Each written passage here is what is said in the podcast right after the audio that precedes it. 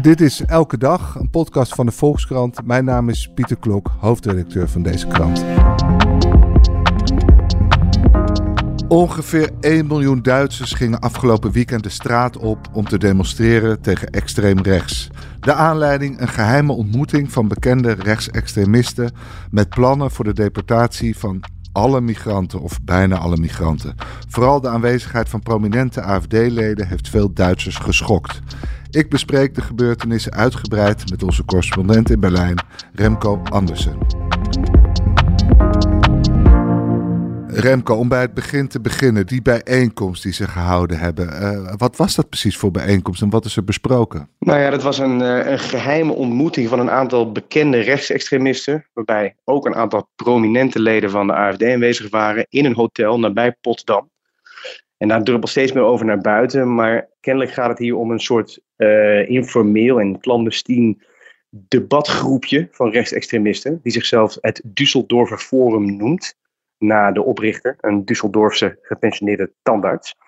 En um, inmiddels is duidelijk dat in 2021 een bijeenkomst van het groepje was waar uh, intern naar gerefereerd werd als de vijfde Düsseldorfer ronde. Dus het lijkt niet de eerste keer te zijn dat deze groep bij elkaar plannen bespreekt voor het Duitsland nadat zij de macht hebben overgenomen. Dat deportatieplan, worden daar ook nog details gegeven hoe ze dat voor zich zien? Ja, uh, in grote lijnen. De spreker op die extreemrechtse bijeenkomst die heeft uh, uit de doeken gedaan dat het gaat om drie te remigreren groepen, uh, namelijk vluchtelingen. Ook zij die, die, die in Duitsland bescherming krijgen voor vervolging in eigen land of voor oorlog.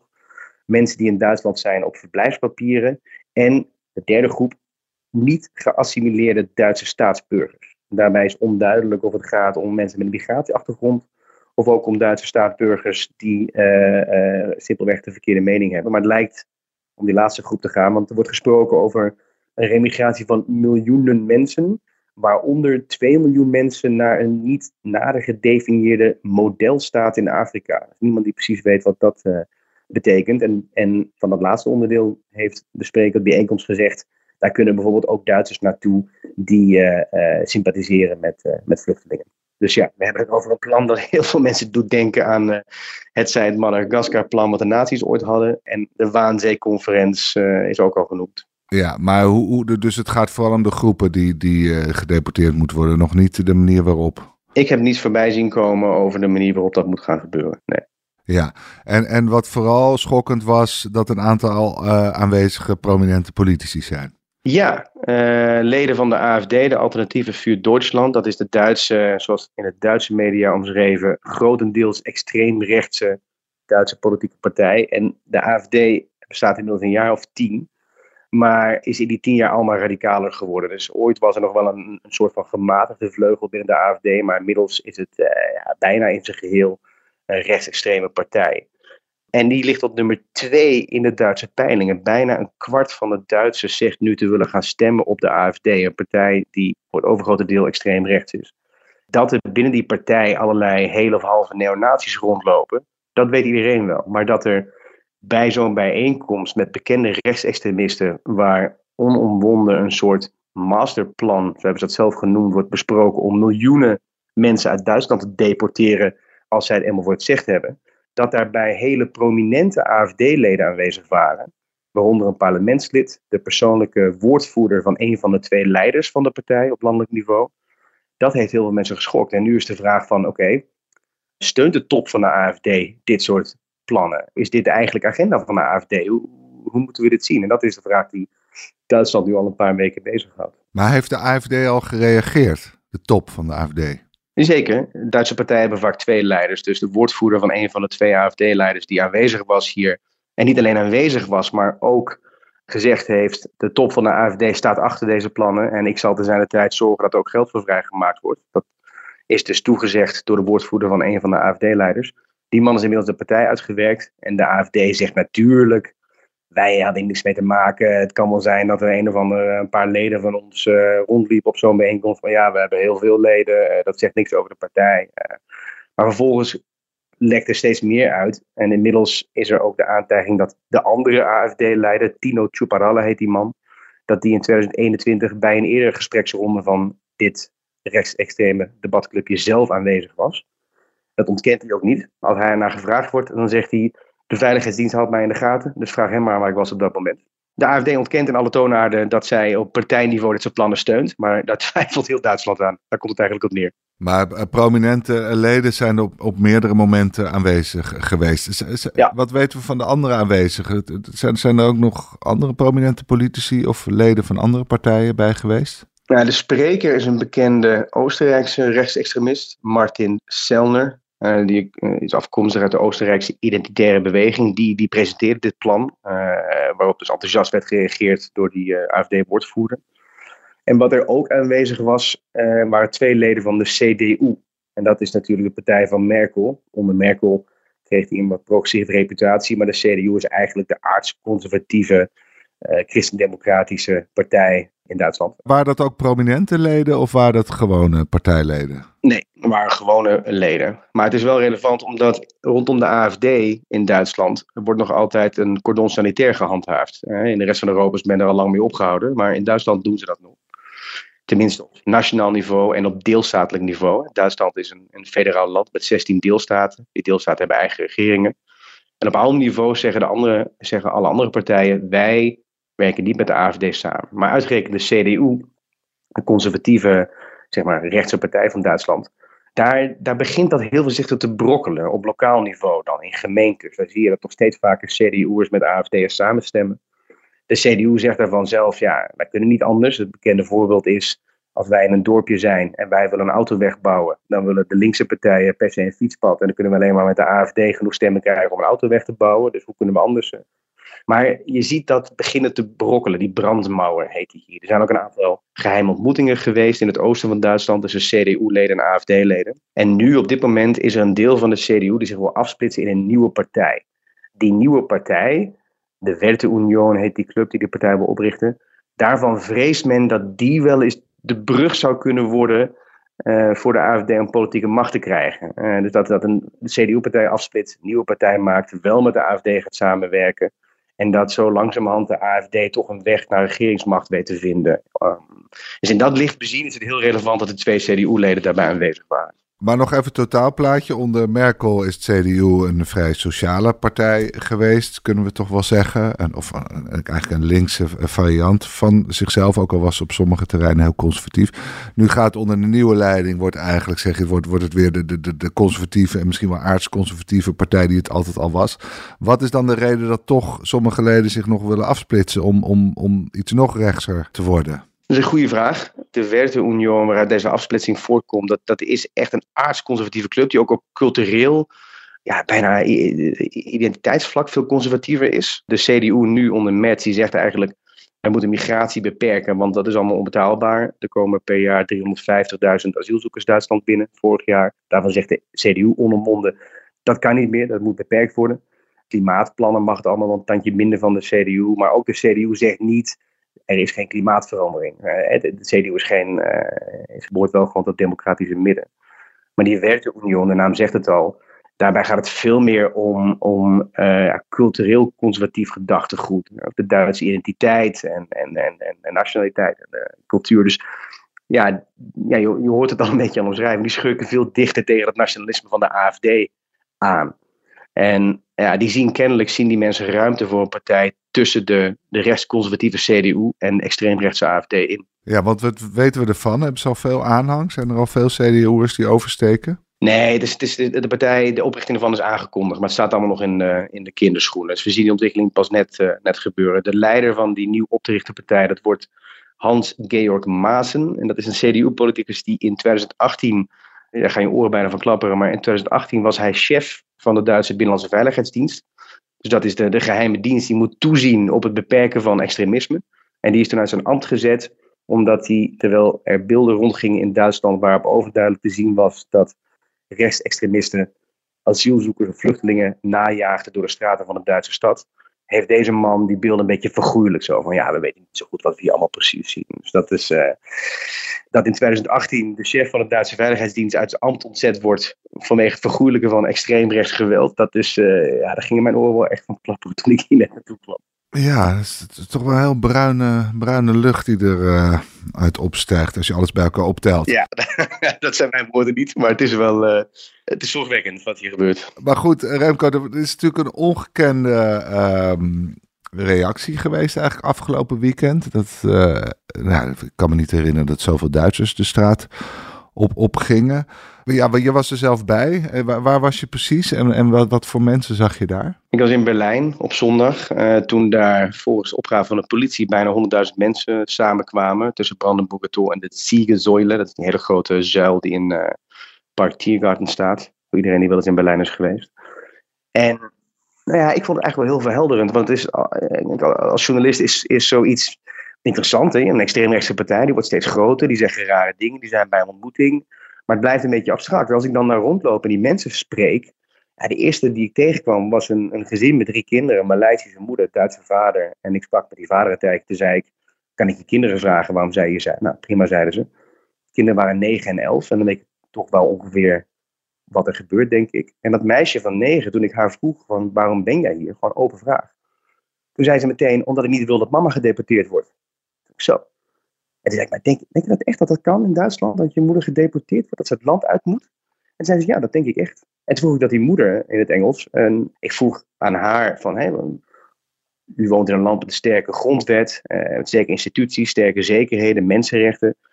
Bent u nou echt persoonlijk bang dat het zover kan komen? En toen zei ze, ja, nou ja, ik weet wel dat ik in een land woon met sterke instituties en sterke rechten, alleen je weet het maar nooit. Deze mensen willen mij het land uitzetten. Uh, een kwart van de Duitsers wil op ze Dus ik ben bang. Ik ben bang dat ik uiteindelijk toch van mijn familie gescheiden word. Nou, toen ik dat hoorde, dacht ik wel, ja, jeetje, ja, het is... Als je hier een migratieachtergrond hebt en je hoort dat een partij waarop een kwart van de Duitsers zegt te willen gaan stemmen, stiekem aanwezig is bij een extreem rechts debatforum waar ze een plan maken om miljoenen Duitsers gedwongen te deporteren. Ja, natuurlijk ben je dan bang. Dus het is wel, we hebben het hier wel over een hele serieuze kwestie. En als je de, de andere aanwezigen uh, over zag, wat, wat zag je dan? Waren er veel uh, mensen, Duitsers van migrantenafkomst bij? Of? Nou, dat was, dat, is, dat was het mooie eraan. En daar schrijven de Duitse media ook lyrisch over. Dat meer linkse Duitse media. Het was echt een heel breed palet. Oud, jong, uh, alle kleuren van de regenboog, om het zo maar te zeggen. Gezinnetjes met kinderen, uh, mensen die echt al, uh, echt al in de tachtig liepen. En natuurlijk ook heel veel jongere, activistische types. iedereen. Gewoon echt een hele grote brede dwarsdoorsnede van de samenleving. Ook uit allerlei delen van Duitsland trouwens. Mensen die wel in Berlijn wonen, maar uit andere delen afkomstig zijn. En als je dan mensen vraagt van ja, waar, waarom bent u hier? Dan, nou dat is natuurlijk om, om, om, om een daad te stellen, om te laten zien dat de zwijgende meerderheid dit soort uh, dit soort plannen uh, niet steunt. Maar ik, je hoort ook wel mensen die, die, het, die het goed gedacht hebben. Ik sprak een, uh, een, een 48-jarige hoogleraar, oorspronkelijk Tsjechisch, had lang in Oostenrijk gewoond, um, woonde inmiddels in Duitsland. En die woonde in Oostenrijk toen daar rond 2000 de radicaalrechtse FPE grote invloed kreeg. En ook hem vroeg ik van, gelooft u nou echt dat dit mogelijk is? Dat die miljoenen Duitsers worden gedeporteerd? Dat kan toch niet? En hij zei, nou ja, uh, toen de FPÖ invloed kreeg in, in, Oostenrijk rond 2000, toen veranderden er ook een heleboel dingen heel snel. En dat hoeft niet met hele grote dramatische gebaren, uh, waarbij in één keer uh, allemaal zwart geklede politiemensen op de stoep staan. Maar in kleine stapjes kan zo'n extreemrechtse partij in een korte tijd heel veel veranderen als ze eenmaal invloed krijgen. Dus daar was hij toch wel bang voor. hoe uitzonderlijk is het, Remco, dat, dat 1 miljoen Duitsers tegelijkertijd in verzet komen of de straat op gaan? Nou ja, heel uitzonderlijk. Ook omdat het zo breed is. Dus bijna, bijna elke Duitse gemeente van enige omvang gingen duizenden mensen de straat op. Ik geloof in München, ja, hou me te goed, ik ken niet allemaal maar ik geloof in München ook iets van 80.000 mensen. Daar is de demonstratie zelfs afgebroken, omdat de politie niet had gerekend op zo'n grote opkomst. Dat werd gewoon gevaarlijk. In, in Berlijn 100.000 mensen, in Hamburg 50.000 mensen, in Keulen eerder ook al 70.000 mensen. Maar ook in oostelijke steden, waar juist de AFD heel sterk is. Althans, in het oosten van het land. Ook daar had je allerlei steden van 10, 20, 30, 40.000 mensen die de straat op gaan. En ja, wat ik al zei, een hele grote dwarsdoorsnede van, en werkelijk uit alle bevolkingsgroepen en leeftijden en, en gezinssamenstellingen. Dat is heel uitzonderlijk. Dat zie je hier heel, heel zelden. En in de Oost-Duitse stad Halle, daar las ik in de Duitse media ergens dat daar sinds die wende in 1989 niet meer zo'n grote demonstratie is geweest. Ja, dat is wel uitzonderlijk. Dus ook in Oost-Duitsland komt uh, verzet op gang. Wat jij hebt wel eens geschetst, dat is natuurlijk ook het gebied waar de AVD op de meeste aanhang kan rekenen. Omdat de mensen toch nog steeds uh, gefrustreerd zijn. Maar ook daar is het uh, in het oosten, in de vijf voormalige DDR-deelstaten, zes als je Oost-Berlijn meerekent, maar dat, dat we het even niet doen. In die vijf deelstaten ligt de AFD nu gemiddeld zo'n beetje op 30%. Dus dat is heel erg veel. Maar in een staat als Turingen, waar ze ongeveer een derde van de stemmen hebben in de peilingen, daar is ook een hele lange linkse traditie. Uh, dus het is daar echt een beetje, je staat aan de ene of aan de andere kant. En die andere kant, dus de niet-extreemrechtse kant, die nog altijd de meerderheid is, laat zich nu massaal horen. En dat is, uh, ja, dat is, dat is heel uitzonderlijk. En uh, is er los van, van die bijeenkomst uh, en de vreselijke dingen die daar besproken zijn, nog een reden dat mensen die urgentie nu voelen? Dat ze het gevoel hebben, we moeten nu opstaan, want anders kan het wel eens helemaal misgaan? Nou ja, ik heb die mensen gevraagd, hè, die bijeenkomst is niet georganiseerd door de AFD georganiseerd door een extreemrechtse activist uit Oostenrijk, eh, of, samen met Düsseldorf, enfin, niet, niet door de partij de AFD. En als ik de AFD zou zijn, dan zou ik zeggen, en dat doen ze ook, van ja, het kan wel zijn dat daar een lid aanwezig was, of misschien wel twee of drie, maar wij hebben er niks mee te maken.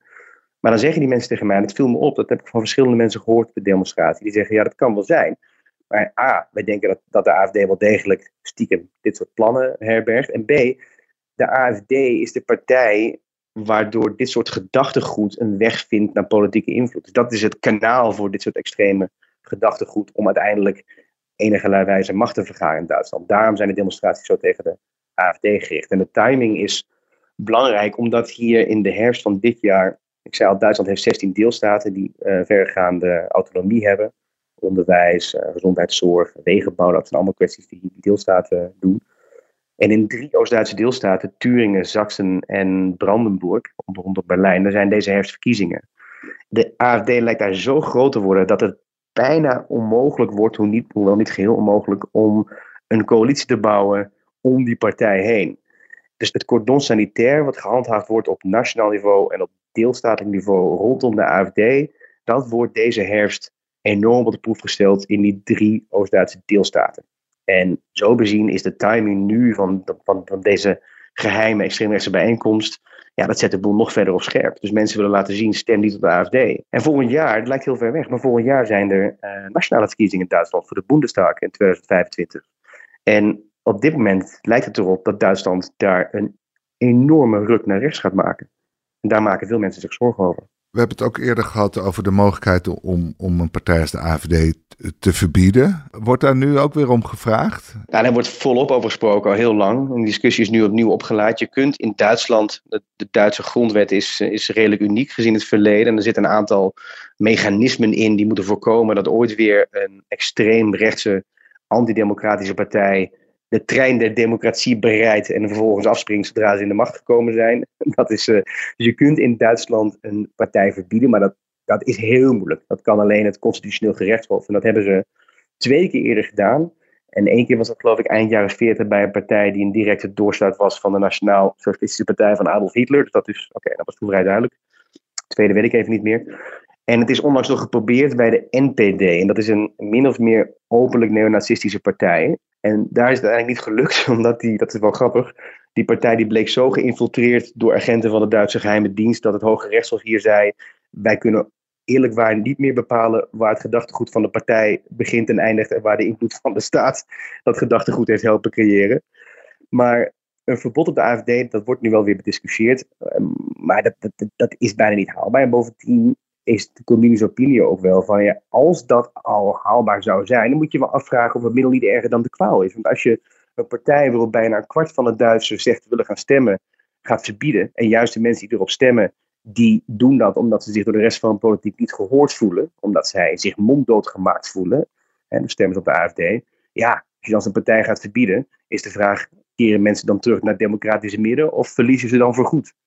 Ik denk dat dat laatste een heel groot risico is. Want je kan heel snel natuurlijk weer een nieuwe partij uh, oprichten. Dat hebben we in uh, Vlaanderen ook gezien. Ja, plus als zo'n verbodsprocedure wordt gestart en het lukt niet, dan, dan krijgt zo'n partij daardoor eh, de wind in de zeilen. En je kunt natuurlijk onder een andere naam gewoon weer een nieuwe partij beginnen.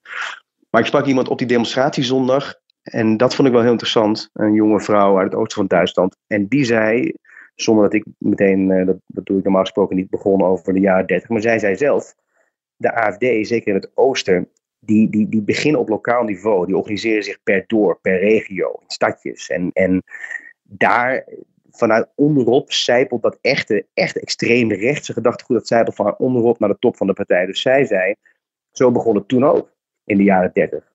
En terwijl de discussie nu is van moet de AFD wel niet verboden worden, zij zei, ik denk dat de Veiligheidsdienst gewoon moet kijken per plek, per regio. Is deze club hier in dit stadje, dit dorpje, deze regio, zijn die, eh, zoals de Duitse Veiligheidsdienst het noemt, die categoriseren dat, zijn die bewezen extreem rechts? Nou, dan verbied je die. En dan kan het uiteindelijk wel zijn dat dat leidt tot een totaalverbod op de AFD, maar dan moeten we niet mee beginnen. We moeten gewoon beginnen met per kruisverband. Waar zijn ze bewezen extreem rechts? Nou, daar moeten ze dan verboden worden. Remco, wordt er nou ook gespeculeerd op wat uiteindelijk eh, de lange termijn gevolgen zijn van deze gebeurtenis? Want de ervaring leert uh, dat, dat, je, dat je hoopt dat zo'n gebeurtenis ertoe leidt dat mensen schrikken die misschien op de AVD wilden stemmen. Denken van nou, als dit de ware aard van die partij is, dan ga ik dat niet meer doen. Uh, maar vaak blijkt dat ze juist, kan je ook effect zien als van links probeert die partij zwart te maken. Want dit is de AFD helemaal niet. Dus dan krijgen ze extra de wind in de zeilen. En passant, ja, is het toch ook een taboe geslecht. Hè? Want, want ja, dit is natuurlijk ongekend. Volgens mij sinds de oorlog is, het, is hier niet over gesproken. Dus kan het ook zijn dat ondanks die massale demonstraties, dat, dat, dit, dat dit toch eerder tot een uh, ja, verdere verrechtsing leidt? Dat is heel moeilijk te voorspellen. Maar uh, wat ik wel durf te zeggen is dat als je nu nog op de AFD stemt, dat je echt wel weet op wat voor partij je stemt. Ik lees wel hier en daar dat er ook wel bezorgde vragen zijn geweest van AFD-stemmers. Ik las net ook dat er weer een. Uh, de Spiegel had zich op de een of andere manier een, een bijeenkomst van AFD-prominenten weten binnen te dringen ergens in Duitsland. En daar ging het alleen maar over, precies wat jij zegt, over uh, hoe onrechtvaardig de media met ze omgaan en hoe ze zwart gemaakt worden vanwege een bijeenkomst waar ze niks mee te maken hadden. Ik al, de AFD die, die hing ooit ergens, gelijk gaan altijd bank, maar nou, staan we het even toe, die hing ooit ergens een beetje tussen PVV en Vorm van Democratie in. Maar inmiddels is de AFD veel meer Vorm van Democratie dan PVV. Dus de aanhang van die partij, dat, dat, dat is al voor een heel groot deel een groep mensen die de politiek en de media en de wetenschap en de coronamaatregelen en gewoon niet meer vertrouwt.